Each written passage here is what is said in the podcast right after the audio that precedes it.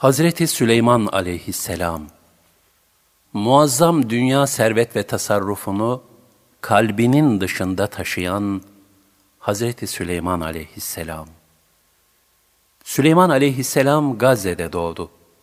Babası Davut aleyhisselam vefat ettiğinde 12-13 yaşlarındaydı. Babası gibi önce hükümdar, sonra peygamber oldu. Beyt-i Makdis'i, Mescid-i Aksa'yı yedi yılda inşa etti. Yemen'deki Sebe Melikesi Belkıs'la evlendi, Kudüs'te vefat etti.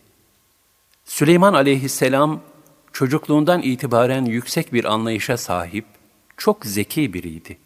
Onun bu hususiyetiyle ilgili olarak Resulullah sallallahu aleyhi ve sellem şöyle bir hadise anlatır. Vaktiyle iki kadın ve beraberlerinde iki oğlan vardı. Yolda giderlerken bir kurt gelip kadınlardan büyük olanın çocuğunu alıp götürdü. Bunun üzerine bu kadın arkadaşı olan küçük kadına kurt senin çocuğunu götürdü dedi. Öbür kadın hayır senin çocuğunu götürdü dedi. Nihayet bu iki kadın aralarında hükmetmesi için Davut aleyhisselama müracaat ettiler. Davut aleyhisselam çocuğun büyük kadına ait olduğuna hükmetti. Onlar muhakemeden çıkıp Davut aleyhisselamın oğlu Süleyman aleyhisselama gittiler. Davut aleyhisselamın hükmünü söylediler. Süleyman aleyhisselam da bana bir bıçak getirin. Çocuğu bu iki kadın arasında paylaştırayım dedi. Bunun üzerine küçük kadın aman öyle yapma Allah sana rahmet eylesin çocuk bu kadınındır dedi. Bunun üzerine Süleyman aleyhisselam çocuğun küçük kadına ait olduğuna hükmetti. Çünkü analık şefkati evladının ölmesine razı gelemezdi. Süleyman aleyhisselamın firasetiyle alakalı bir başka rivayette şöyledir. Bir gece bir koyun sürüsü bir tarlayı harap etmişti. Tarla sahipleri Davut aleyhisselama gelip şikayetçi oldular. Telef olan tarla kıymet bakımından koyun sürüsüne müsaviydi. Bunun üzerine Davut aleyhisselam koyunların tarla sahibine verilmesine hükmetti. Süleyman aleyhisselam o sırada küçük yaşta olmasına rağmen, babacığım bir yol daha var. Koyunları tarla sahibine borç olarak verelim. Sütünden ve yününden istifade etsin. Bu arada tarlayı düzenlesin. Tarla eski haline gelinceye kadar koyunlar kendisinde kalsın. İşleri yoluna girince de sürüyü sahibine teslim etsin dedi. Davut aleyhisselam bu teklifi çok beğendi ve öyle hükmetti. Ayeti kerimede şöyle buyurulur. Davut ve Süleyman'ı da yad et. Bir zaman bir ekin hususunda hüküm veriyorlardı. Hani o kavmin koyunları geceleyin başıboş bir vaziyette bu ekinin içine dağılıp ziyan vermişti. Biz onların hükmünü görüp bilmekteydik. El-Enbiya 78 Böylece bu fetvayı Süleyman'a biz anlatmıştık. Biz onların her birine hüküm ve ilim, hükümdarlık, peygamberlik verdik. El-Enbiya 79 Davut aleyhisselam son derece firaset sahibi olması ve Hakk'a gönülden bağlılığı sebebiyle Hazreti Süleyman'ı 19 oğlu arasından kendi yerine halife olarak seçti. Fakat İsrailoğulları bu tayine karşı çıktılar. Süleyman çocuk sayılır, aramızda ondan daha üstün ve büyük kimseler var dediler. Bunun üzerine Davut aleyhisselam, indi ilahiden gelen emir mucibince, alimlerin huzurunda bir imtihan gerçekleştirdi. Oğlu Süleyman'a, doğruluğu diğer cüzlerin doğruluğuna, bozukluğu da diğer cüzlerin bozukluğuna sebep olan nedir? diye sordu. Süleyman aleyhisselam, kalptir dedi. Bu cevabı çok beğendiler. Daha sonra Davut aleyhisselam, herkesin asasının üzerine ismini yazıp bir odaya kilitledi. Yalnız Süleyman aleyhisselamın asasının yeşerip yaprak verdiğini gördüler. Allah'ın bu lütfuna Davut aleyhisselam hamd etti, İsrailoğulları da Hazreti Süleyman'ı halife olarak kabul ettiler, çok sevindiler. Böylece hilafet meselesini Allah'ın lütfuyla halleden Davut aleyhisselam, oğlu Süleyman aleyhisselama şu nasihatlerde bulundu. Ey oğlum, şaka yapmaktan sakın. Çünkü onun faydası azdır, pişmanlık doğurur. Kızmaktan da sakın. Çünkü sahibini basitleştirir. Takvaya sarıl. Zira takva her hale galiptir. İnsanlardan bir şey bekleme. İşte bu hakiki zenginliğin ta kendisidir. Allah Celle Celaluhu'nun sana vermeyip başkalarına verdiği nimetlere göz dikmek, senin için bir fakirliktir. Özür dilemeyi icap ettirecek davranış ve sözlerden sakın. Nefsini ve dilini doğruluğa alıştır. Bugünün dünden daha hayırlı olmasına çalış. Namazını en son namazını kılan kimse gibi kıl. Aşağı ve bayağı kimselerle ülfet etme. Kızdığın zaman da bulunduğun yerden ayrıl. Allah Celle Celaluhu'nun rahmetinden ümit var ol. Çünkü O'nun rahmeti her şeyi kuşatmıştır. Davut aleyhisselamın vefatından sonra Süleyman aleyhisselam hükümdar oldu. Biz Davud'a Süleyman'ı verdik. Süleyman ne güzel bir kuldu. Doğrusu o daima Allah'a yönelirdi. Saat 30 Kendisine çok nimetler ve tasarruflar verildi. Andolsun ki biz Davud'a ve Süleyman'a ilim verdik. Onlar bizi mümin kullarının birçoğundan üstün kılan Allah'a hamdolsun dediler. Enneml 15 Hazreti Süleyman kuşların lisanını ve tesbihatını anlardı. Süleyman Davud'a varis oldu ve dedi ki, Ey insanlar! Bize kuş dili öğretildi ve bize her şeyden nasipler verildi. Doğrusu bu apaçık bir lütuftur. Enneml 16 İnsan, cin, hayvanat ve rüzgar onun tasarrufu ve emri altına verilmişti. Süleyman'ın emrine de kasırga gibi esen rüzgarı verdik. Onun emriyle içinde bereketler yarattığımız yere doğru eserdi. Biz her şeyi biliriz. El-Enbiya 81 Sabah gidişi bir aylık mesafe, akşam dönüşü yine bir aylık mesafe olan rüzgarı da Süleyman'a, onun emrine verdik. Ve onun için erimiş bakırı kaynağından sel gibi akıttık.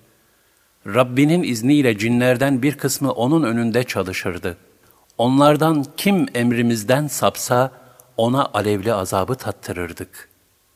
Sebe 12 Süleyman için o ne dilerse, mabetler, heykeller, büyük havuzlara benzer çanaklar ve taşınması güç kazanlar yaparlardı. Ey Davut ailesi şükredin! Kullarımdan şükredenler pek azdır.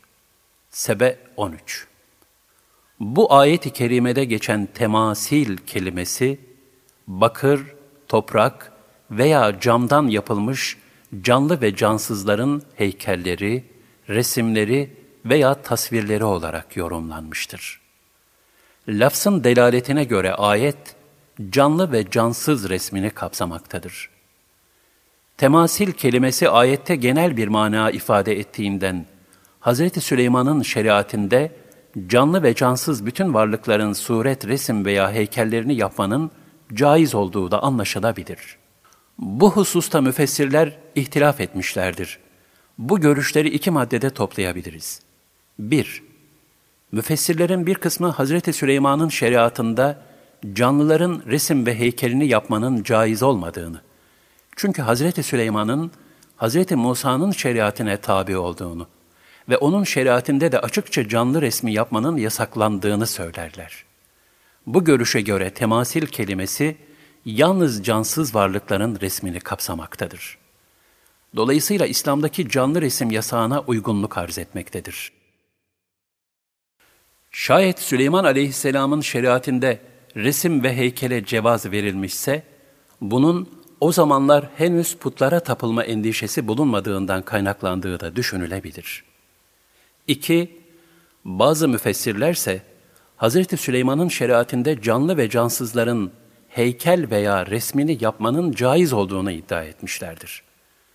O halde Kur'an-ı Kerim'de bu anlatıldığına göre, canlı ve cansızların heykel ve resmini yapmanın İslam'da da caiz olduğu hükmüne varılabilir mi? Bu suale İslam hukukçuları ve müfessirler, İslam'da manzara, dağ, orman ve ağaç gibi yalnız cansız varlıkların ve nebatatın resmini yapmak caizdir diye hüküm vermişlerdir. Çünkü Hazreti Peygamber sallallahu aleyhi ve sellem birçok hadisi şerifinde canlıların resmini yapmayı yasaklamıştır. Resimle alakalı hadisi şerifler bu hususu izah etmektedir. Nitekim İbn Abbas radıyallahu anhuma'nın rivayetine göre Resulullah sallallahu aleyhi ve sellem Efendimiz şöyle buyurmuşlardır. Kim dünyada bir canlı resmi yaparsa, kıyamet günü yaptığı o resme can vermeye zorlanır. O ise resme asla can veremez. Yine İbn Abbas radıyallahu anhuma'nın anlattığına göre Resulullah sallallahu aleyhi ve sellem Mekke'nin fethi günü Beytullah'ta tasvirler görünce içeri girmemiş, onların imha edilmesini emretmişti. İçeride Hz. İbrahim ve Hz. İsmail aleyhisselamın ellerinde kumar okları bulunur vaziyetteki resimlerini görmüştü. Şöyle buyurdu. Allah bu resimleri yapanların canlarını alsın. Vallahi onlar İbrahim ve İsmail aleyhisselam asla oklarla kısmet aramadılar. Netice olarak Hz. Süleyman aleyhisselamın şeriatinde canlıların resim ve heykelini yapmanın caiz olduğu kabul edilse bile, bu fiil İslam'da kesinlikle yasaklanmıştır. Nitekim İbn Mesud radıyallahu anh'ın haber verdiğine göre Hazreti Peygamber sallallahu aleyhi ve sellem canlı resmi yapanların kıyamet günü azabın en şiddetlisine çarptırılacağını bildirmiştir. Çünkü resim ve heykele gösterilen aşırı ihtimam neticede insanları putperestliğe götürmüştür. Hz. Ayşe radıyallahu anha da şöyle anlatır. Cebrail aleyhisselam Resulullah sallallahu aleyhi ve selleme belli bir saatte geleceğini vaat etmişti. Vakit gelmiş fakat Cebrail aleyhisselam gelmemişti. Resulullah sallallahu aleyhi ve sellem elinde bulunan sopayı yere attı ve Allah da Resulleri de vadinden caymaz buyurdu.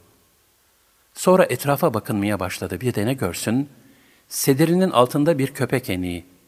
Bunun üzerine, ey Ayşe, bu enik buraya ne zaman girdi diye seslendi. Ben de Allah'a yemin ederim ki bilmiyorum dedim. Emir verdi, köpek yavrusu evden çıkarıldı, Cebrail aleyhisselam da hemen geldi. Resulullah sallallahu aleyhi ve sellem, bana söz verdin ben de bekledim ama sen gelmedin dedi. Cebrail aleyhisselam, gelmemi evinizdeki köpek engelledi. Biz melekler, içinde köpek ve suret bulunan eve girmeyiz cevabını verdi. Bu hadisi şerifte köpekle birlikte zikredilen suret, sırf resim olarak telakki edilmemelidir. O, canlı varlıkların heykel veya kabartmalı bir şekilde tasvirini de içine almaktadır. Resimse bir gölgenin tespiti gibidir. Hacme sahip değildir.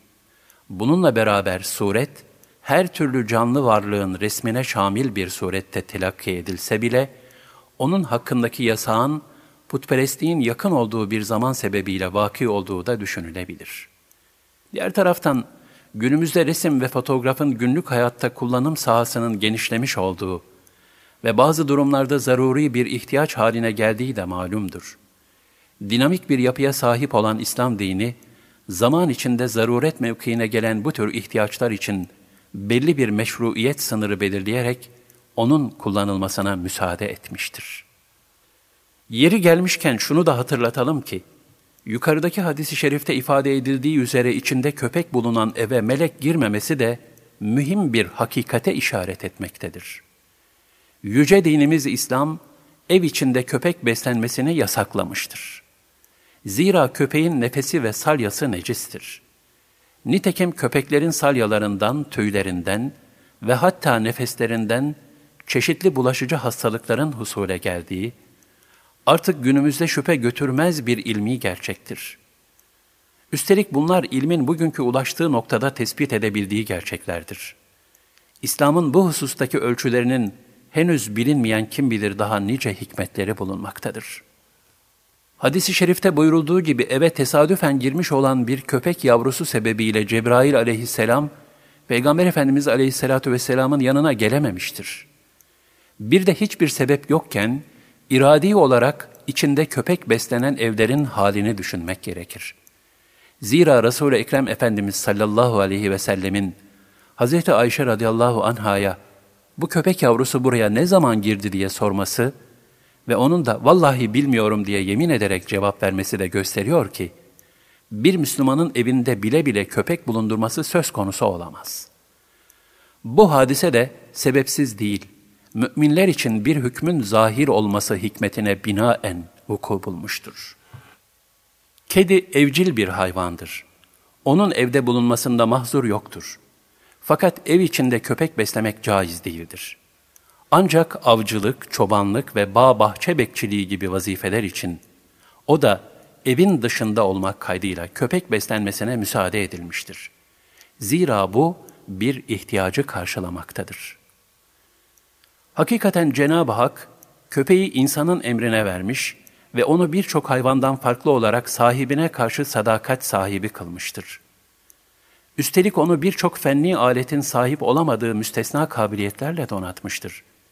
Nitekim bugün narkotik aramalarında veya enkaz altındaki insanların yerinin tespitinde kullanılan köpekler, bağ, bahçe ve ev bekçiliklerine ilaveten, insanlığın sağlığı için de bekçilik yaparak son derece önemli hizmetler görmektedirler. Bugün özellikle Batı aleminde aile parçalanmış ve insanlar fert hayatı yaşamaya başlamış olduğundan, bilhassa yalnız yaşayanlar, hırsız ve sair menfiliklere karşı ev içinde köpek beslemektedirler. Üstelik birçok batı ülkesinde evde bakılan köpeklere sigorta yapma mecburiyeti bile getirilmiştir.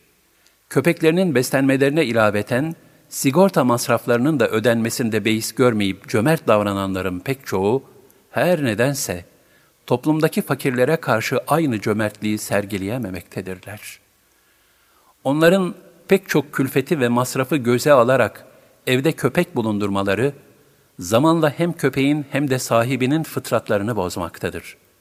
Zira köpeğe duyulan aşırı düşkünlük, onu neredeyse ailenin bir ferdi gibi görecek kadar ileriye götürülmüştür. Bu aşırılıklar, zaman zaman kendi evladını ikinci derecede görmeye kadar varmaktadır.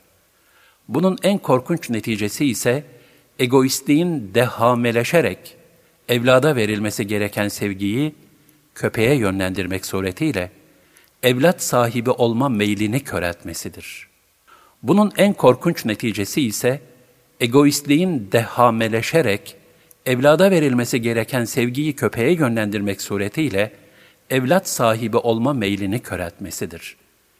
Nitekim bugün birçok batı ülkesinde nüfus artacağı yerde azalmaktadır. Üstelik evde köpek beslenmesi köpek için de bir himaye şekli değil. Bilakis bir bakıma yaratılışına zıt şartlar altında yaşamak mecburiyetinde bırakılmasıdır. Çağların önünde giden İslam'ın köpek beslemeyi ancak evin dışında ve zaruretler dahilinde tecviz etmesine karşılık, bilhassa batılıların bu tavırları ne korkunç bir dalalet ve aile yıkımıdır. Maalesef son zamanlarda bizim toplumumuzda da müşahede edilmekte olan evde köpek besleme adeti, körü körüne batı taklitçiliğinin menfi tezahürlerinden sadece biridir. İslam'ın evde köpek beslenmemesi hususundaki yasağı ona karşı menfi bir tavır takınmayı da gerektirmez. Yani köpeklerin beslenmemesi veya onlara kötü muamele edilmesi söz konusu olamaz.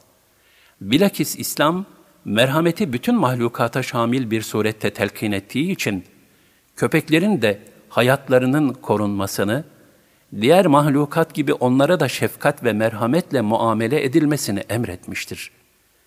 Nitekim bir hadisi şerifte, susuzluktan ölmek üzere olan bir köpeğe su veren günahkar bir kadının cennetlik olduğu müjdelenmektedir. Tarihimizde de mahlukata merhamet duygusunun müesseseleşerek çeşitli vakıflar kurulduğu ve bu vakıfların şefkat elinin himayeye muhtaç hayvanata kadar uzandığı malum ve meşhurdur. Dolayısıyla mühim olan köpek besleme hususunda da İslam'ın belirlemiş olduğu meşruiyet sınırlarına riayet etmektir. Süleyman aleyhisselamın at sevgisi Ayet-i kerimelerde buyurulur. Hani kendisine bir zaman akşamüstü iyi cins ve çalımlı koşu atları sunulmuştu. Doğrusu ben bu iyi malları Rabbimi anmaktan ötürü sevdim dedi. Nihayet atlar perdenin arkasına gizlendi. Geri getirin onları bana dedi. Ve artık onların bacaklarını boyunlarını sıvazlamaya başladı. Saat 31-33 Bir kısım müfessirlere göre Hazreti Süleyman aleyhisselam, ben atları Rabbimin zikrinden dolayı sevdim dedi. Yani namazını veya virdini aksatmadı. Nihayet o atlar perdenin ardına gizlendi, ahırlara çekildi yahut koşuda gözden kayboldu. O zaman namazını bitirdi ardından geri getirin onları bana dedi. Artık bacaklarını boyunlarını sıvazlamaya başladı, okşadı, tımarlarına itina gösterdi. Fahrettin Razi'nin beyanına göre, İslam'da olduğu gibi Hazreti Süleyman'ın şeriatinde de savaş için at besleyip yetiştirmek müstehaptı. Bir gün Hazreti Süleyman atları teftiş etmişti. Üç ayağını basıp bir ayağının tırnağını yere değdirmiş vaziyette duran dizi dizi atları görünce, ben sırf Rabbimin adını anmak için, yani O'nun rızasını kazanmak ve O'nun adını yaymak için dünya malını sevdim, nefsim için istemedim demişti. Sonra seyislere atları koşturmalarını emretmiş, hızla koşan atlar gözden kayboluncaya dek onları seyretmiş ve ardından at bakıcılarına, onları bana getirin diye emrederek getirilen atları sevip okşamıştı. Böylece Rabbin kudret ve sanatının güzel bir tecellisini müşahede etmişti. Ayet-i kerimeden anlaşılıyor ki atlar, duruştaki ve gidişteki güzellikleriyle ilahi bir kudret tecellisini sergilerler. At, tarih boyunca cengaverlerin kahramanlık, zafer, fetih ve asalet müjdecisiydi. At, Allah Teala'nın Kur'an-ı Kerim'de kendisine yemin ettiği müstesna yaratıklardandır. Andolsun Allah yolunda koştukça koşanlara, andolsun kıvılcım saçanlara, sabah sabah akına çıkanlara ve tozu dumana katanlara, hep birden düşman topluluğunun içine dalanlara. El-Adiyat 1-5 Resulullah sallallahu aleyhi ve sellem atlar hakkında şöyle buyurmuştur. Kıyamet gününe kadar atların alınlarına hayır yani ecir ve ganimet düğümlenmiştir. Kim Allah'a gerçekten inanarak ve vaadine gönülden bağlanarak onun yolunda cihad etmek için at beslerse, o atın yediği, içtiği gübresi ve bevli, kıyamet gününde o kimsenin sevapları arasında olacaktır. Atlar ruhi bakımdan insanlara en yakın mahluklardır. Harbe girecek süvari, atını kendi hissiyatına uygun olarak seçer. Çünkü atlar düşman karşısında üstündeki suvarisiyle beraber aynı heyecanı yaşarlar. At aynı zamanda bir kudret tecellisidir. Vücudu da ayrı bir tenasüp ve zarafet içindedir. Süleyman aleyhisselamın imtihan edilmesi Bir gün Allah Teala Hazreti Süleyman'ı imtihan etti. Bir anda bütün kudretini elinden aldı. Ayeti kerimede buyurulur. Andolsun ki Süleyman'ı imtihan ettik. Tahtının üstünde bir ceset gibi bırakıverdik. Sonra tevbe ile eski haline döndü. Saat 34 Süleyman aleyhisselamın bir anda her şeyi elinden alınmış, hiçbir şeyi kalmamıştı. Ayette geçen fitne yani imtihan hakkında çeşitli rivayetler vardır. 1. Hazreti Süleyman Mescid-i Aksa'yı yaptırdığı sırada, getirdiği sanatkarlar içinde sanatların hilelerini bilen bir takım şeytanların kurdukları bir ihtilal yüzünden, bir süre nüfusunu kaybetmiş yahut tahtından ayrı kalmış, böylece tahtında ya kendisi kuvvetsiz bir ceset halinde hükümsüz kalmış yahut tahtı da işgal edilip yerine 40 gün kadar heykel gibi birisi oturtulmuştu. 2. Bir rivayette Süleyman aleyhisselam, zevcelerinin hepsinden oğlan çocuğu olmasını ve bunların da Allah yolunda küffar ile cihad etmelerini istedi. Fakat inşallah diyerek Allah'ın ismini anmayı unuttu. Bunun üzerine ancak bir zevcesinden sakat bir oğlu dünyaya geldi. Nitekim Hz. Peygamber sallallahu aleyhi ve sellem Efendimiz de kendisine ruh, ashab-ı kef ve Zülkarneyn aleyhisselam hakkında sual sorulduğunda yarın gelin haber vereyim buyurmuştu. Ancak inşallah demeyi unutmuştu. Bu sebeple Efendimiz sallallahu aleyhi ve selleme de bir müddet vahiy gelmedi. Allah Teala şöyle buyurur. Allah'ın dilemesine bağlamadıkça, inşallah demedikçe, hiçbir şey için bunu yarın yapacağım deme. Bunu unuttuğun takdirde Allah'ı zikret. Umarım Rabbim beni doğruya bundan daha yakın olan bir yola iletir de. El-Kehf 23-24 3. Diğer bir görüşe göre Süleyman aleyhisselam şiddetli bir hastalıkla imtihan edildi. Tahtının üstünde cansız bir ceset gibi kaldı. 4. Başka bir rivayete göre ise Allah Teala içine bir korku verdi. Öyle ki bela gelmesi endişesiyle Süleyman aleyhisselam cansız bir ceset haline geldi. Sonra Allah'ın lütfuyla kendisine tekrar eski hali bahşedildi. Süleyman aleyhisselam şöyle istiğfar etti. Rabbim beni bağışla. Bana benden sonra kimsenin ulaşamayacağı bir hükümranlık ver. Şüphesiz sen daima bağışta bulunansın dedi. Saat 35 Süleyman aleyhisselamın kimsenin muktedir olamayacağı güçlerin kendisine verilmesini istemesi, tefahür yani övülmek için değildi. Zamanındaki zalim padişahları zelil etmek içindi. Çünkü devrindeki padişahlar gurur ve kibir içinde zulmediyorlardı. Fahrettin Razi, Süleyman aleyhisselamın duasına şöyle bir manada vermiştir. Rabbim, bana öyle şanlı bir mülk ver ki, ben ona kavuşup öldükten sonra, dünya mülkünün vefası olsaydı Süleyman'a olurdu denilsin de, kimsenin dünya saltanatına hırs ve rağbeti kalmasın. Bu ifadeden anlaşıldığına göre Süleyman aleyhisselamın asıl maksadı, dünya mülkünü değil, ahiret mülkünü istemektir. Ayet-i kerimede buyurulur, her kim ahiret kazancını isterse, ona ondan veririz. Her kim de dünya gelirini isterse, ona da ondan veririz. Fakat onun için ahirette bir nasip yoktur. Eşşura 20 Yine ayeti kerimede buyurulduğu üzere Allah Teala Hazreti Süleyman'ın duasını kabul etti. Biz rüzgarı ona boyun eğdirdik. Onun emriyle istediği yere tatlı tatlı akıp giderdi. Bütün bina yapan, dalgıçlık yapan şeytanları da ve kötülük yapmamaları için zincirlerle birbirine bağlanmış, diğerlerini yani cinleri veya isyancı kabileleri, köle ve esirleri de ona boyun eğdirdik.'' Saat 36-38 Bu ayetlerden anlaşıldığına göre Allah Teala bina ve dalgıçlık yapmak için şeytanları, cinleri Hz. Süleyman aleyhisselamın emri altına vermiştir. Bu şeytanlardan bir kısmı Hz. Süleyman'ın emriyle büyük binalar, mescitler, saraylar, resimler, havuz gibi çanaklar, sabit büyük kazanlar yapıyorlardı ki, bu işleri yapmaya insanlar güç yetiremiyorlardı.''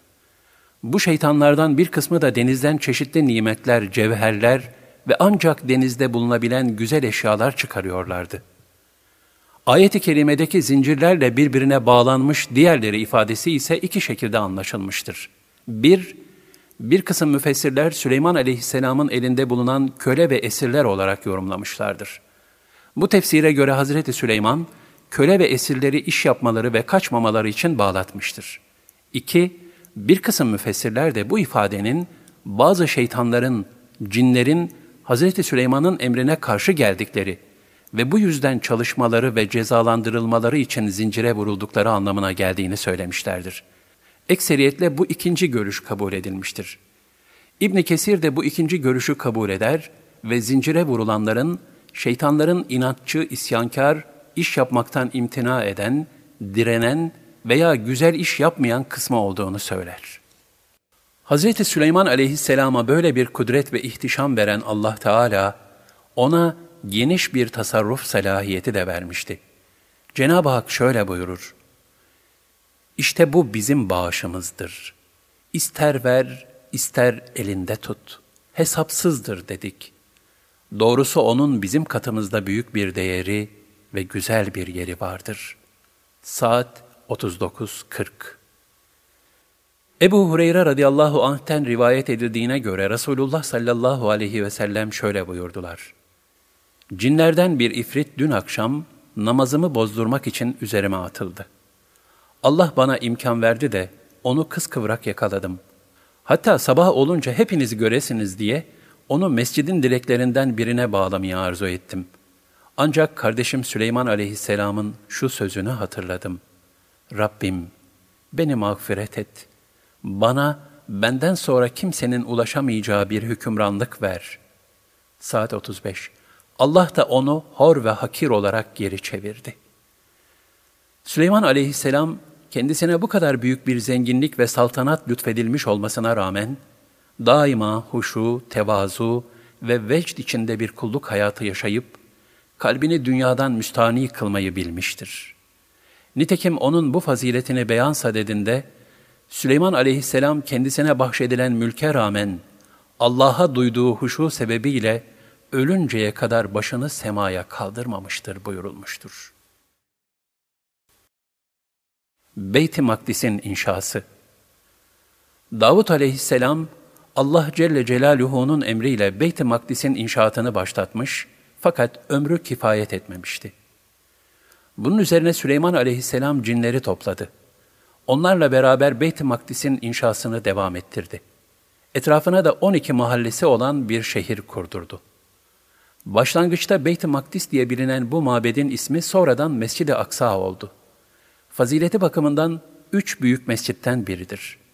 Bu üç mescidin birincisi Mescid-i Haram, Kabe, ikincisi Mescid-i Nebevi, üçüncüsü de Mescid-i Aksa'dır.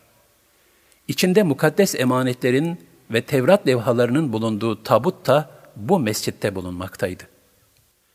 Beyt-i Makdis, Süleyman aleyhisselamın vefatından sonra muhtelif zamanlarda birkaç kez tahrip olmuştur. Nitekim milattan önce 586'lı yıllarda Buhtun Nasr, Nabukadnazzar Kudüs'e girdi ve şehri yaktı. Mescid-i Aksa'nın mücevherlerini alıp Babil'e götürdü. Beyt-i Makdis uzun yıllar harabe halinde kaldı. Persler Babillileri yenip Yahudilerin tekrar eski topraklarına dönmelerine ve mabedi yeniden yapmalarına izin verince Milattan önce 515'te mabet ikinci defa yapıldı. Ancak milattan sonra 70 senesinde Romalılar mabedi yakıp yıktılar. Mabedin yeri uzun süre boş kaldı. Ancak bu mübarek mekan yine de bir mabet olarak biliniyor ve kalıntıları korunuyordu. Miladi 637 yılında Hazreti Ömer radıyallahu anh'ın buraya bir mescit yaptırdığı rivayet edilir. 691'de Emevi halifesi Abdülmelik, Peygamber Efendimiz sallallahu aleyhi ve sellemin Miraç'ta ayağını bastığı yere Kubbetüs Sahra'yı, yanına da Mescid-i Aksa'yı yaptırmış, İnşaat oğlu 1. Velid zamanında tamamlanmıştır. Mescid-i Aksa günümüze kadar pek çok tamirat ve tadilat geçirmiştir. Mescid-i Aksa'nın dinimizde ulvi bir yeri ve yüksek bir fazileti bulunmaktadır. Zira o, İslam'ın ilk kıblesidir. Müslümanlar hicretin 16. ayına kadar Mescid-i Aksa'ya dönerek namaz kılmışlardır. Diğer taraftan İsra hadisesinin bitiş noktası ve miracın başlangıç noktası da Mescid-i Aksa olmuştur. Allah Resulü sallallahu aleyhi ve sellem bir hadisi şeriflerinde şöyle buyurmuşlardır. Ziyaret maksadıyla ancak üç mescide seyahat edilebilir. Mescid-i Haram, benim şu mescidim ve Mescid-i Aksa. Diğer bir hadisi şerifte de şöyle buyurulmaktadır. Hz. Süleyman Beytül Makdis'i bina ettiği zaman Allah'tan kendisine üç imtiyaz vermesini istedi. İlahi hükme muvafık düşecek hüküm verme melekesi talep etti, bu ona verildi. Kendisinden sonra kimseye verilmeyecek bir saltanat talep etti, bu da ona verildi. Mescidin inşaatını bitirdikten sonra bu mescide sırf namaz kılmak için gelenlerin oradan çıkarken annelerinden doğdukları gündeki gibi bütün günahları affedilmiş olarak çıkmalarını istedi, bu duası da kabul edildi. Süleyman aleyhisselam ve karıncalar. Cenab-ı Hak Celle Celaluhu buyurur. Süleyman'ın cinlerden, insanlardan ve kuşlardan müteşekkil orduları toplandı. Hepsi bir arada onun tarafından düzenli olarak sevk ediliyordu. Nihayet Karınca Vadisi'ne geldikleri zaman bir karınca, ''Ey karıncalar, yuvalarınıza girin. Süleyman ve ordusu farkına varmadan sizi ezmesin.'' dedi. En-Neml 17-18 Hazreti Süleyman'ın saltanatı çok büyük bir saltanattır. Çiğnenirsiniz, yuvalarınıza çekilin dedi. Bu sözleri işiten Süleyman aleyhisselam, hayır, benim saltanatım geçicidir. Benim dünyevi hayatım da hudutludur. Bu kelime-i tevhidin getirdiği saadetse sonsuzdur dedi. Ayet-i kerimede buyurulur. Süleyman onun yani karıncanın sözünden dolayı gülümsedi ve dedi ki, Ey Rabbim! Beni gerek bana gerekse ana babama verdiğin nimete şükretmeye ve hoşnut olacağın salih ameller işlemeye muvaffak kıl. Rahmetinle beni salih kulların arasına kat. En-Neml 19 Ayet-i kerimede buyurulduğu üzere Süleyman aleyhisselam, bütün saltanatına rağmen, büyük bir tevazu ve kulluk şuuru içinde, kendisiyle birlikte ana babası için Hakk'ın rahmetine sığınmıştır. Süleyman aleyhisselamın annesinin bir nasihatini Peygamber Efendimiz sallallahu aleyhi ve sellem şöyle haber vermişlerdir. Yavrum, geceleri çok uyuma. Zira geceleri çok uyumak, kıyamet günü insanı fakir bırakır. Bu bakımdan ahiretin fakirleri durumuna düşmemek için, dünyanın rahatına ve saltanatına aldanmadan, Hakka kulluk yolunda gayret göstermek icap eder. Süleyman aleyhisselam, Hüthüt kuşu ve Belkıs. Süleyman aleyhisselam, Mescid-i Aksa'nın inşaatının bitmesiyle, rüzgar, cinler, insanlar, kuşlar ve diğer vahşi hayvanlardan meydana gelen ordusuyla birlikte Mekke'ye doğru bir yolculuk yaptı. Hz. Muhammed sallallahu aleyhi ve sellem Efendimizin Mekke'yi teşrif edeceklerini de haber verdi. Oradan Sana şehrine geçti. Gördüğü güzel bir vadide namaz kılmak istedi. Bu arada Hüthüt, onlar namaz kılana kadar etrafı dolaşmak arzusuyla ordudan ayrıldı. Orada rastladığı diğer Hüthüt kuşlarının arasına karıştı. Gittiği yerlerde gördüğü manzaralar karşısında hayran kaldı.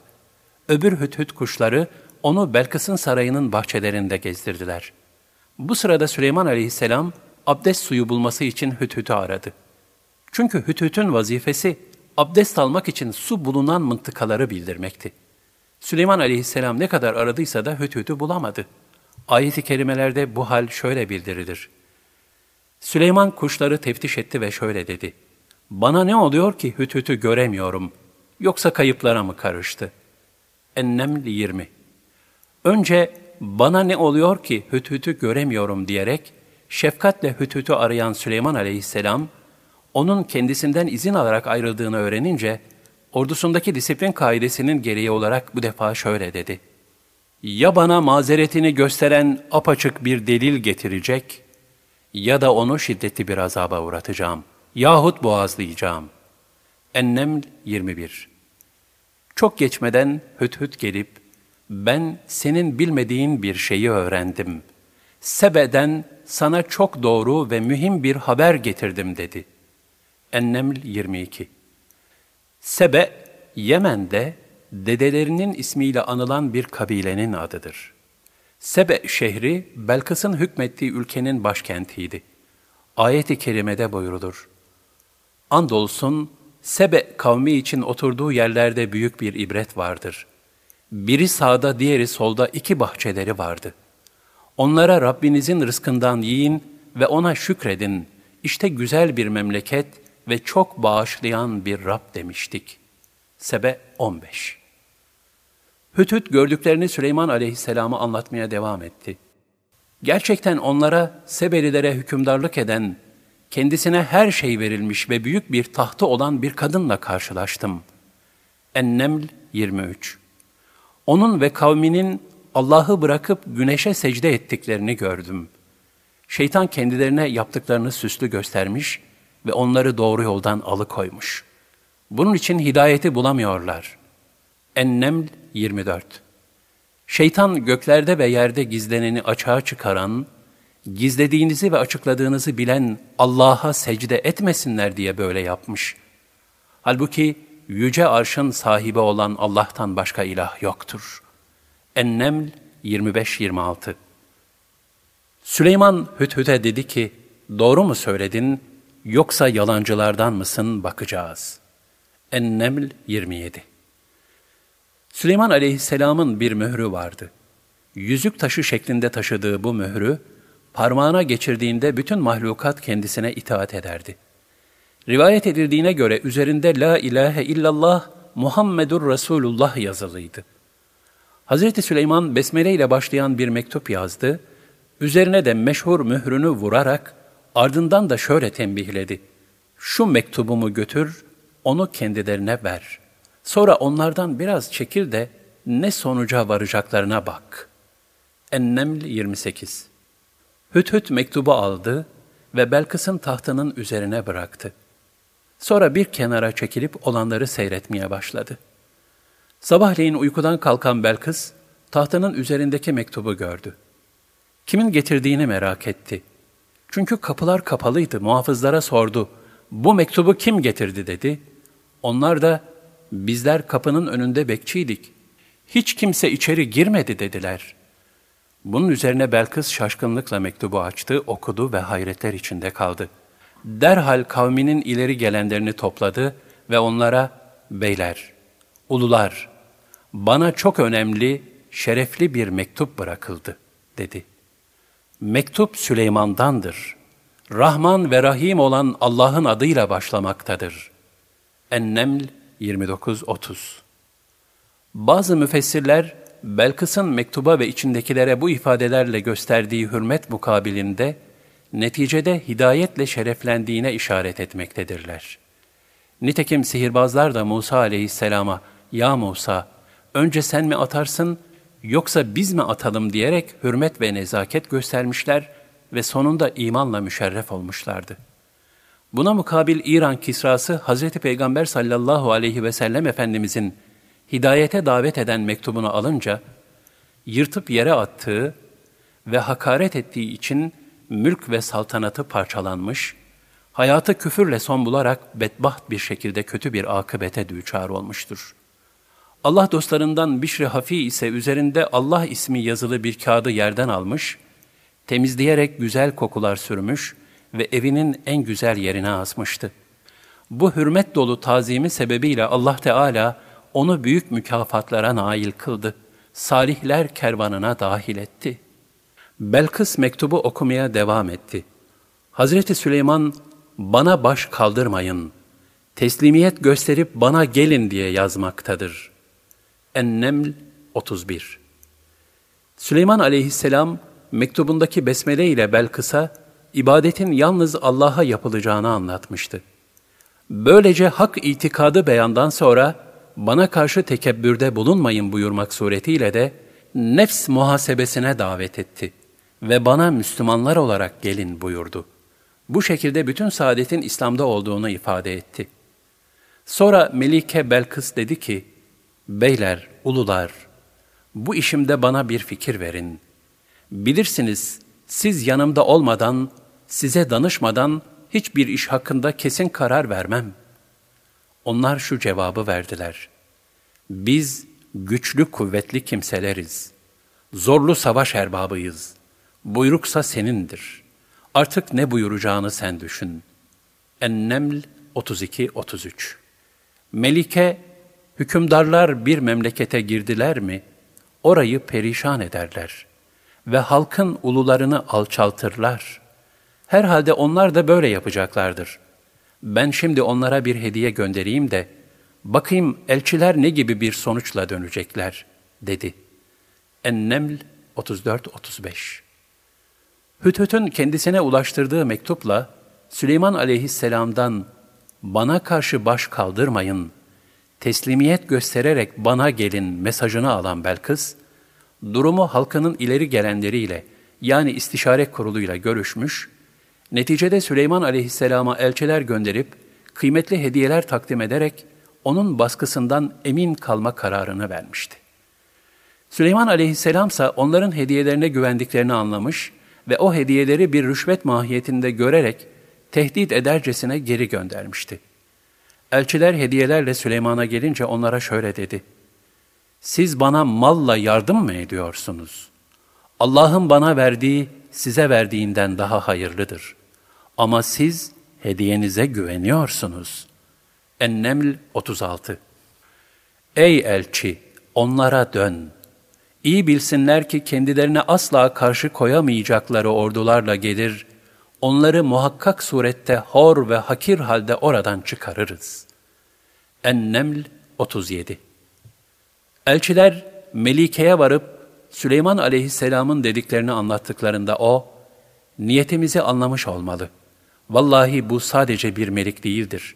Biz bunun karşısında duramayız dedi ve tekrar bir elçi göndererek, kavmimin beyleriyle huzuruna geliyorum. Buyruğunu ve davet ettiğin dinini görmek istiyorum haberini yolladı.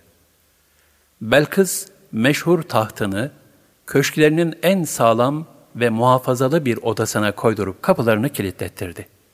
Ardından büyük bir kalabalıkla Süleyman Aleyhisselam'ın yanına hareket etti. Bu arada Süleyman Aleyhisselam, yanındakilerden Belkıs'ın Sebe'de bulunan tahtını getirmelerini istedi. Bundan maksadı, müfessirlere göre şunlardı. 1. Belkıs için Allah'ın kudretine ve kendisinin peygamberliğine delalet eden bir mucize ve önceki delillere ek olarak yeni bir delil göstermek. 2. Getirttiği tahtı değiştirmek suretiyle bunu tanıyıp tanıyamaması bakımından Belkıs'ın aklını denemek. 3. Taht bir krallık göstergesidir. Belkıs gelmeden krallığının ne derece olduğunu öğrenmek. Süleyman müşavirlerine dedi ki, Ey ulular! Onlar teslimiyet gösterip bana gelmeden önce hanginiz o melikenin tahtını bana getirebilir? Cinlerden bir ifrit, sen makamından kalkmadan ben onu sana getiririm. Gerçekten bu işe gücüm yeter ve bana güvenebilirsiniz dedi. Süleyman aleyhisselam sabahleyin tahtına oturur, dünyanın iş ve idaresiyle meşgul olur, öğleye doğru tahtından kalkardı. Buna göre ifrit, Belkıs'ın tahtını sabahla öğlen arasındaki kadar bir zamanda getirebileceğini söylemekteydi. İfrit, tuttuğunu devren, kuvvetli, becerikli, ele avuca sığmaz demektir. Ayrıca kötülük ve münkerde son dereceyi bulmuş, şeytanlıkta ileri gitmiş manası da taşır.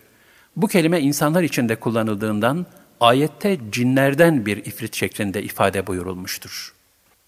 Kitaptan Allah tarafından verilmiş bir ilmi olan kimse ise, gözünü açıp kapamadan ben onu sana getiririm dedi. Süleyman onu Melike'nin tahtını yanı başında yerleşmiş olarak görünce, bu Rabbimin gösterdiği lütfundandır. Şükür mü edeceğim, yoksa nankörlük mü edeceğim diye beni imtihan etmek için bu lütufta bulunmuştur. Şükreden ancak kendisi için şükretmiş olur. Nankörlük edene gelince o bilsin ki, Rabbimin hiçbir şeye ihtiyacı yoktur, çok kerem sahibidir dedi. Enneml 40 Kuvvetli görüşe göre tahtı göz açıp kapamadan getiren ilim sahibi zat, Süleyman aleyhisselamın veziri Asaf bin Berhiya'dır. Keramet Evliyadan zuhur eden kerametler, yani fizik ötesi hadiseler iki kısımdır. Bir, Allah Celle Celaluhu'nun zat, sıfat ve fiillerine ait bilgilerdir. Buna keşif de denir. Bunları akıl ve düşünce ile elde etmek mümkün değildir. Ancak Allah Teala bunu seçtiği kullarına ihsan eder. İki, madde aleminde meydana gelen harikulade hadiselerdir. Allah Teala bunları da seçtiği kullarına lütfeder. Halk ikincisine itibar eder. Makbul olansa birincisidir. İmam Şafii şöyle der. İmam Musa Kazım'ın kabrinde duamın kabul olması bana bir tiryak haline geldi. Bunu çok tecrübe ettim. İmam Gazali Hazretleri, diriyken feyz alınan kimseden, tevessülle ölümünden sonra da feyz alınır buyurmaktadır. Cenab-ı Hakk'ın ölümlerinden sonra da büyük tasarruf verdiği velilerden Maruf-u Kerhi ve Abdülkadir Geylani Hazretleri meşhurdur. Keramet zaman zaman ashab-ı kiram arasında da vuku bulmuştur.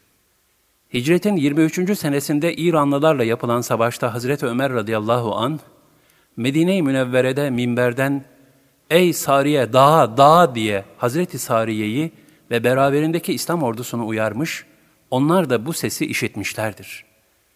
Enes radıyallahu anh de şöyle buyurur. Nebi sallallahu aleyhi ve sellemin ashabından iki kişi, Useyd bin Hudayr ve Abbad bin Beşir, karanlık bir gecede Peygamber aleyhisselamın yanından çıktılar. Önlerinde meşale gibi iki ışık peyda oldu. Birbirinden ayrılınca da evlerine varıncaya kadar her birinin yolunu bir ışık aydınlattı. İmam Ali Rıza rahmetullahi aleyh bir duvarın yanında oturuyordu. Bir kuş gelip ötmeye başladı.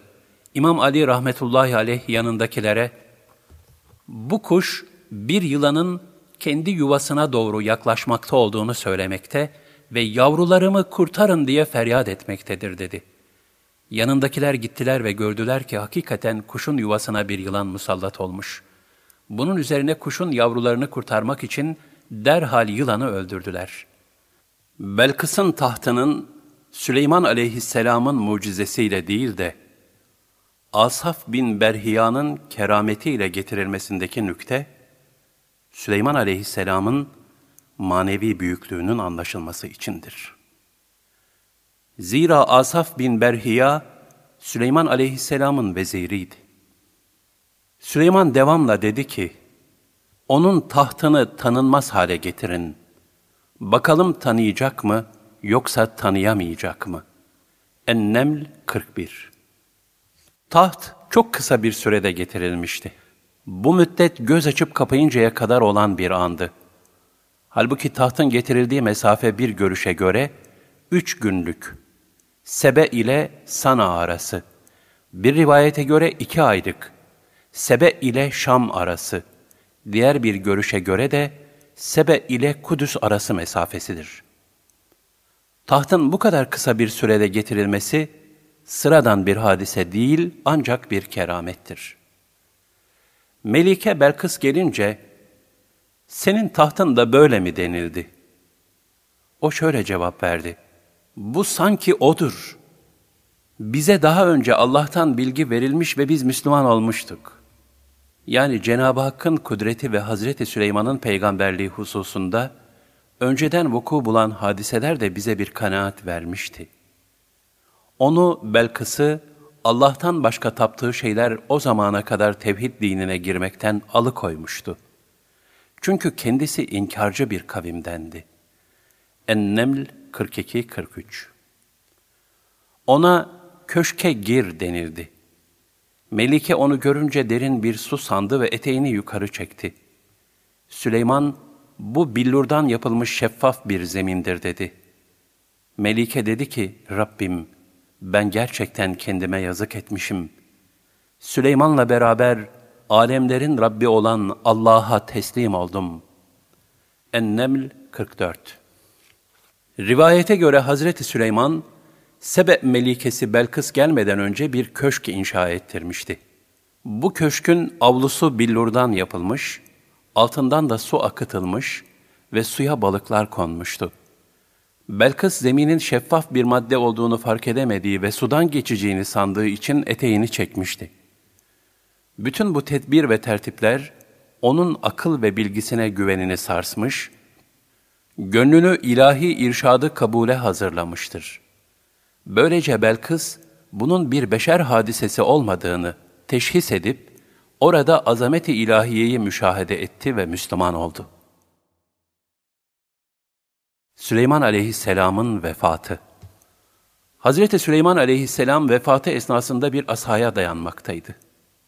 Bu yüzden ayakta durduğu için onun vefat ettiğini etrafındakilerden hiç kimse fark etmemişti. Ta ki bir ağaç kurdu asasını yiyip, Hazreti Süleyman yere yıkılınca vefat etmiş olduğu anlaşıldı. Ayet-i Kerime de şöyle buyurulur. Süleyman'ın ölümüne hükmettiğimiz zaman, onun öldüğünü ancak değneğini yiyen bir ağaç kurdu gösterdi. Sonunda yere yıkılınca anlaşıldı ki, cinler gaybı bilselerdi, o küçük düşürücü azap içinde kalmazlardı. Sebe 14 Süleyman aleyhisselam irtihal edince, cesedinin uzun süre asasına dayanarak ayakta kaldığı anlaşılmaktadır. Ayet-i kerimede cinler hakkında buyurulan küçük düşürücü azap tabiri, onların güç işlerde çalıştırılmalarına binaen kullanılmıştır. Onlar, Süleyman aleyhisselamın öldüğünü anlamadıkları için, onun hayatında olduğu gibi yine yorucu işlerine devam etmişlerdi. Buradan cinlerin gaybı bilmedikleri anlaşılmaktadır. Süleyman aleyhisselamın hayatı gibi vefatı da tevhid mücadelesi vasfındaydı. Çünkü vefatıyla da Allah'tan başka hiçbir varlığın gaybı bilemeyeceğini, ancak Cenab-ı Hakk'ın bildirmesiyle buna vakıf olunabileceğini tebliğ etmişti. Cenab-ı Hak Süleyman Aleyhisselam'ın vefatını çok aciz bir varlık olan ağaç kurdu vasıtasıyla ortaya çıkararak, gaybı bildiğini iddia eden cinlerin de Allah'ın iradesi dışında hiçbir şey bilemeyeceklerini açıkça beyan etmiştir. Diğer taraftan büyük bir mülk ve saltanata sahip olan Süleyman aleyhisselamın ayakta ölmesi ne kadar düşündürücü bir tecelli ve büyük bir ibrettir. Zaten tüm peygamberlerin sözleri, yaşayışları ve başlarından geçen hadiseler, arkalarından gelen bütün ümmetlere birer ibret vesilesidir. Nitekim dünyanın faniliği de Süleyman aleyhisselamın muazzam saltanatının bile geçiciliği bir öğüt ve darb mesel haline gelmiştir. Ziya Paşa meşhur terkibi bendinde şöyle der. Seyretti heva üzere denir tahtı Süleyman, ol saltanatın yeller eser şimdi yerinde. Yunus Emre Hazretlerinin darbe mesel haline gelmiş bir dörtlüğü de şöyledir. Mal sahibi, mülk sahibi, hani bunun ilk sahibi, malda yalan, mülkte yalan, var biraz da sen o yalan. Saltanat ve tevazu Süleyman aleyhisselam çok mütevazıydı. Sabahleyin kalkınca miskin ve gariplerin yanına gider, onlarla oturur, miskin miskinlere yakışır derdi. Halk arasında Süleyman aleyhisselam ve serçe kuşu arasında geçen şöyle bir ibretli hadise naklededir. Süleyman aleyhisselam bir gün serçe kuşunu veya hüt hüt kuşunu azarlamıştı. Bunun üzerine serçe Süleyman aleyhisselamı tehdit etti. Senin saltanatını ve sarayını mahvederim dedi. Süleyman aleyhisselam, senin sıkletin ne ki benim sarayımı mahvedesin dedi. O küçük kuş şöyle cevap verdi. Kanatlarımı ıslatır ve bir vakıf toprağına sürerim. Sonra da kanatlarıma bulaşan vakıf toprağını senin sarayının damına taşırım. Böylece benim taşıdığım o vakıf toprağı senin sarayını çökertmeye yeter. Bu kıssadan hisse olarak vakıf mallarının ne kadar ehemmiyetli olduğunu kavrayıp onlara karşı son derece hassasiyet ve hakkaniyetle yaklaşmak gerektiğini idrak etmeliyiz. Nitekim büyüklerimiz vavlardan yani vallahi diyerek lüzumsuz yere yemin etmekten, mesuliyet şuur ve hassasiyeti taşımayan bir vali olmaktan, vazifesini ifa edemeyen bir vasi olmaktan ve vakıf malına ihanet etmekten sakının buyurmuşlardır. Burada sakınmaktan maksat, bu müesseselerde çalışanların hak ve hukuka ziyadesiyle dikkat etmeleridir. Çünkü vakıf malı, temlik ve temellükten men edilen, mülkiyeti Allah Teala'ya, faydası ümmete ait olan menkul veya gayrimenkullerdir. Bazı kaynaklarda Süleyman Aleyhisselam'ın diğer peygamberlerden 500 sene sonra cennete gireceği rivayet edilir. Zira Hazreti Süleyman'a büyük bir saltanat ve zenginlik verilmiştir. Bu sebeple bütün bunların hesabını vermek uzun süreceğinden, cennete diğer peygamberlerden sonra gireceği bildirilmektedir. Nitekim ayet-i kerimede peygamberlere de hesap sorulacağı beyan edilmektedir. Elbette kendilerine peygamber gönderilen kimseleri de, gönderilen peygamberleri de mutlaka hesaba çekeceğiz. El-Araf 6 Hazreti Süleyman'ın ardından 12 kabileden meydana gelen Beni İsrail, Süleyman aleyhisselamdan sonra ikiye ayrıldı. 10 kabileden İsrail devleti, iki kabileden de Yahuda devleti kuruldu. 10 kabileden kurulan İsrail devletini milattan önce 721'de Asuriler yıktı. İki kabileden kurulan Yahuda devletini ise milattan önce 586'da Babil hükümdarı Buhtün Nasr yıktı. Buhtün Nasr Kudüs'ü yaktı, halkın büyük çoğunluğunu öldürdü, kalanları da Babil'e sürdü. Bu zalim Nemrut'tan sonra dünya hakimiyetini eline geçiren ikinci imansız kraldır. Babil'i imar edip ülkesinin merkezi yaptı. Doğu ve batıda kendisine karşı koyacak kimse bırakmadı. Böylece gurura kapılarak tanrılığını ilan etti. Nihayet aklını zayi ederek kendisinin bir öküz olduğunu zannetmeye başladı. Yedi yıl ormanlarda dolaştı. Bu arada krallığı hanımı idare etti. Vefatından bir sene evvel aklı kendisine iade edilip böylece öldüğü rivayet edilir. Buhtun Nasr, Kudüs şehrini defalarca yağmaladı. Tevrat ve Zebur'u yakıp ortadan kaldırdı. Böylece zaman geçtikçe Tevrat'ın birçok bölümü tabii olarak unutuldu. Hatırda kalanlar yazılmaya başlandığında ise Tevrat asli hüviyetini tamamen kaybetti. Birbirini tutmayan çeşitli risaleler ortaya çıktı. Takriben milattan önce 500. yıllarda yaşamış olan Ezra, Üzeyr yazılan bu Tevratları topladı, mabedin ikinci kez yapılışında bulundu. Bugünkü Yahudi anlayışına göre o zamana kadar tamamen kaybolmuş olan Tevrat'ı Rab Yahuda Ezra'ya yeniden vahyederek yazdırmıştır.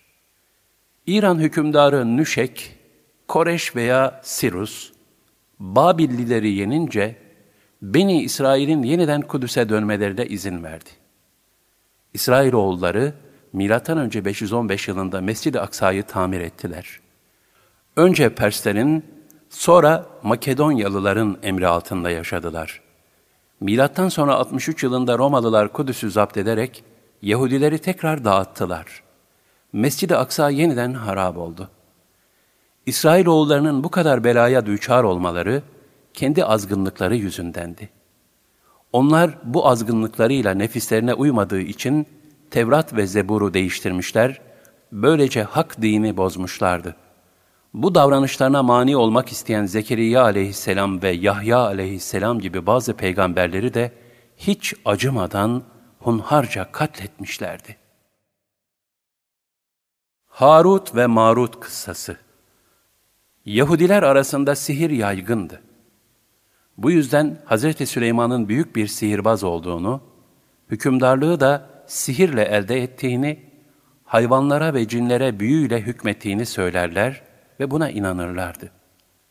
Ancak Hz. Süleyman, Kur'an-ı Kerim'de peygamber olarak tanıtılınca, Muhammed Süleyman'ı peygamber sanıyor, halbuki o bir büyücüdür demişlerdi. Bunun üzerine aşağıdaki ayeti kerime nazil oldu. Süleyman'ın hükümranlığı hakkında onlar, şeytanların uydurup söylediklerine tabi oldular. Halbuki Süleyman sihir yapıp kafir olmadı. Lakin şeytanlar kafir oldular. Çünkü insanlara sihri ve Babil'de Harut'la Marut isimli iki meleğe indirileni öğretiyorlardı. Halbuki o iki melek herkese, biz ancak imtihan için gönderildik. Sakın yanlış inanıp da kafir olmayasınız demeden, hiç kimseye sihir ilmini öğretmezlerdi. Onlar o iki melekten, karı ile kocanın arasını açacak şeyleri öğreniyorlardı. Oysa büyücüler Allah'ın izni olmadan hiç kimseye zarar veremezler. Onlar kendilerine fayda vereni değil de zarar vereni öğrenirler. Sihri satın alanların, ona inanıp para verenlerin ahiretten nasibi olmadığını çok iyi bilmektedirler. Karşılığında kendilerini sattıkları şey ne kötüdür. Keşke bunu anlasalardı.''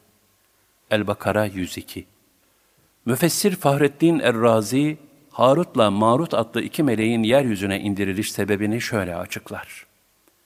A. bu iki meleğin yeryüzüne indirildiği esnada sihirbazlar çoğalmıştı.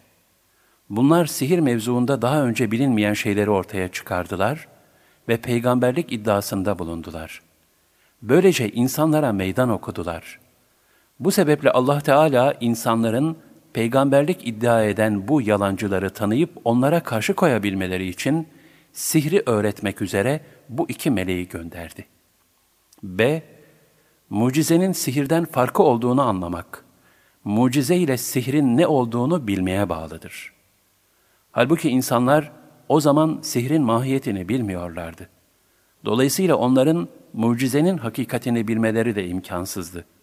Bunun üzerine Allah Teala insanlara sihrin hakikatini anlatsınlar da, mucizenin hakikati bilinsin diye bu iki meleğini gönderdi. C. Diğer bir görüşe göre, Allah'ın düşmanları arasına ayrılığı, dostları arasına da sevgiyi yerleştiren sihir, onlar için mübah veya mendup kılınmıştı. Bundan dolayı Allah Teala bu gaye ile sihri öğretsin diye o iki meleği gönderdi. Maalesef o günün insanları, daha sonra bu iki melekten öğrendikleri müspet sihri menfi şekilde yani Allah'ın dostları arasına düşmanlık sokmak ve düşmanları arasında sevgi tesis etmek suretiyle zıddına ve yanlış istikamette kullanmışlardır. D. Sihir yasaklanmış olduğu için onun beşer için bilinen ve tasavvur edilen bir şey olması gerekir. Çünkü tasavvur olunamayan şeyin nehyedilmesi de düşünülemez. E. Belki de cinler bir benzerini insanların yapamayacağı çeşitli sihirler biliyorlardı. Cenab-ı Hak cinlere karşı korunabilecekleri şeyleri insanlara öğretmeleri için bu melekleri göndermişti. F. Bunun kulluk mükellefiyetini zorlaştıran bir imtihan olduğu da düşünülebilir. Çünkü insanın kendisini dünyevi lezzetlere ulaştıracak bir şeyi öğrendikten sonra ondan uzak durması daha zordur. Bu yüzden imtihan zorlaştıkça o imtihanı kazananların ecri de o nispette fazla olur. Bu sebeple insan yasaktan sakınarak daha büyük bir mükafat elde edebilir. Nitekim Hak Teala, Talut'un kavmini savaşa gitmekteyken, sıcak bir günde nehirden su içme hususunda imtihan etmiş ve Talut emri ilahi mucibince, kim o nehirden kana kana içerse benden değildir. Eliyle bir avuç içtiği müstesna, kim de ondan izin verilenden fazlasını tatmazsa, işte şüphesiz o bendendir. El-Bakara 249 demiştir. Velhasıl bütün bu izahlardan da anlaşılacağı üzere, Allah Teala'nın o melekleri sihri öğretmek üzere indirmesinde pek çok hikmetler bulunmaktadır. Şüphesiz ki Allah Teala her işinde hikmet sahibidir ve her şeyi en iyi bilendir.'' Resulullah sallallahu aleyhi ve sellem Efendimizin Hazreti Süleyman üzerine fazileti. 1. Rüzgarlar Süleyman aleyhisselamın emrine verilmişti. Resulullah sallallahu aleyhi ve selleme ise büyük küçük bütün melekler hizmet etti. 2. Süleyman aleyhisselam bir günde iki aylık yol giderdi. Resulullah sallallahu aleyhi ve sellem Efendimiz, Miraç gecesi bir anda arşa çıktı. 3. Süleyman aleyhisselama kuşlar gölge yapardı. Resulullah sallallahu aleyhi ve selleme ise bulut gölgelemekteydi. 4. Süleyman aleyhisselamın mührü altında bütün mahlukat hizmet için toplanmıştı. Kıyamet günü bütün enbiya, evliya, şuheda ve suleha, Resulullah sallallahu aleyhi ve sellemin Liva-i Hamd adlı sancağı altında toplanacaktır. 5. Süleyman aleyhisselama bütün dünya mülkü verilmişti. Resulullah sallallahu aleyhi ve sellemin en aciz bir ümmetine ise cennette bu dünyanın on misli büyüklüğünde mülk verildi. 6. Süleyman aleyhisselama kürsi verildi. Resulullah sallallahu aleyhi ve selleme Ayetül Kürsi verildi. Ayetül Kürsi cennet hazinelerindendir. Şeytanlar ondan kaçar.''